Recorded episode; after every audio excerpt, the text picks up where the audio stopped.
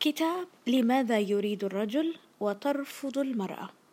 دليلك العلمي لحياة جنسية إيجابية. للكاتب دكتور شريف عرفة صادر عن الدار المصرية اللبنانية المقدمة بصوت ملاذ حسين خوجلي. كنا جالسين في المقهى نحتسي شيئا ما حين سألني أحد الأصدقاء سؤالا عجيبا بما أنك متخصص في علم النفس الإيجابي لماذا لا تتكلم عن الجنس؟ كدت أبتسم لهذه المزحة إلا أنه تابع في جدية ألا يؤدي التوافق الجنسي للسعادة الزوجية وبالتالي زيادة السعادة في الحياة ككل؟ كان سؤالا وجيها جعلني أفكر طويلا في هذا الأمر فالكلام عن الجنس مثير دائما ومن الجميل استغلال هذا الفضول الجنسي لجذب القارئ لمطالعة نتائج دراسات وأبحاث وتجارب تثري ثقافته وتحسن من جودة حياته أيضا. خصوصا حين يتعلق الأمر بموضوع حساس يخفض فيه صوت العلم ويعلو دوي الجهل والأساطير وهو ما يؤدي بالتالي لسوء التوقعات والممارسة وانخفاض جودة العلاقة الزوجية وقلة الرضا عنها. علم النفس الإيجابي إن كنت تقرأ لي للمرة الأولى هو نوع أو فرع من علم النفس لا يهتم بالإضطرابات النفسية وعلاجها بل بدراسة ما يسير على ما يرام.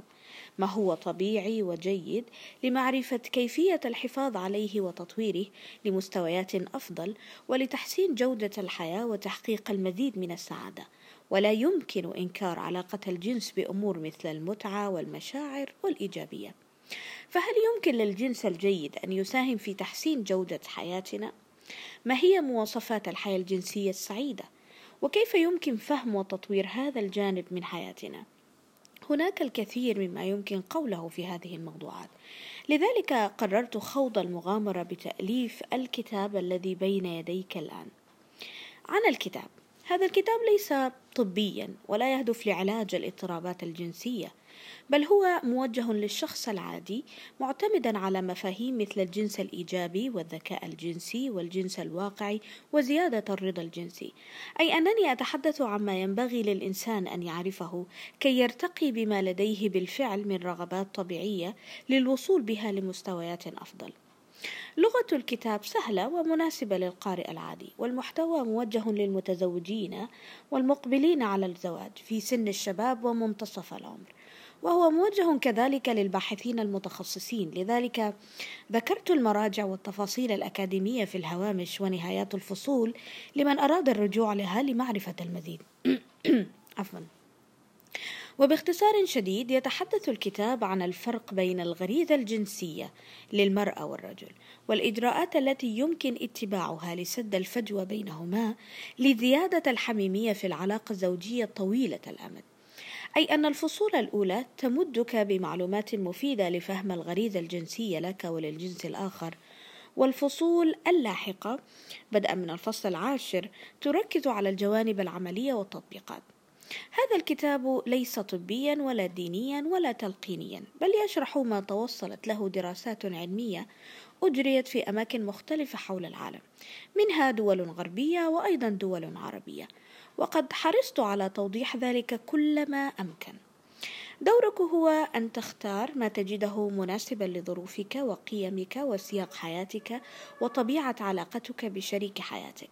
فكل علاقة لها خصوصياتها. ما يجده الزوجان طبيعيا في علاقتهما الجنسية قد يكون شيئا مستنكرا وغريبا عند زوجين في البيت المجاور. كل علاقة جنسية لها خصوصياتها وتفضيلاتها. عليك أن تضع ذلك في بالك دائما. لذلك هذا الكتاب شخصي للغاية وقد يكون من المفيد تضليل العبارات التي تجدها مثيرة للاهتمام كي لا تنسى تطبيقها أو الرجوع إليها لاحقا. كيف تقرأ هذا الكتاب؟ يحتوي الكتاب على كثير من التفاصيل والموضوعات لذلك أنصح بالاستراحة بين كل فصل وآخر للتفكير في محتوياته قبل الانتقال للذي يليه. من الأفضل قراءة الفصول بالترتيب لأن بعضها مبني على الآخر لكن يمكنك مطالعة الفهرس والبدء من الفصل الذي يثير اهتمامك أكثر. لو فعلت ذلك احرص فقط على قراءة باقي الفصول لاحقا كي تكون لديك الصورة كاملة. تذكر دائما أن نتائج الدراسات العلمية تتحدث عن أغلب الناس لا كلهم. لو قلنا مثلا إن المرأة تفضل أن يكون حبيبها أطول منها فالمقصود أن هذا هو الشائع بين أغلب الناس. لكنه ليس قاعدة فيزيائية صارمة لا تقبل الاستثناء. هناك ملايين الزوجات في هذا العالم أطول من أزواجهن وعلاقتهم ممتازة. لكننا نتحدث عن الأمر الأكثر شيوعا. إذا هذا الكتاب يخبرك بما ينطبق على أغلب الناس الذين أجريت عليهم الدراسات المذكورة. ومن الطبيعي جدا أن تكون أنت أو شريك حياتك مختلفين في أي جزئية من الجزئيات. حتى الفروق النفسية بين الرجال والنساء ليست صارمة بل ستجد تداخلا كبيرا بينهما. لذلك من الممتع والمفيد أن تناقش فصول الكتاب مع شريك أو شريكة حياتك لمعرفة ما ينطبق عليكما أكثر. وباعتبار أنك أنت من تقرأ هذا الكتاب أو الكتاب الآن يمكنك فتح هذا النقاش معه أو معها بأول موضوع يثير اهتمامك. عزيزي القارئ كفانا من كل هذه الثرثرة ودعنا ندخل في الموضوع مباشرة.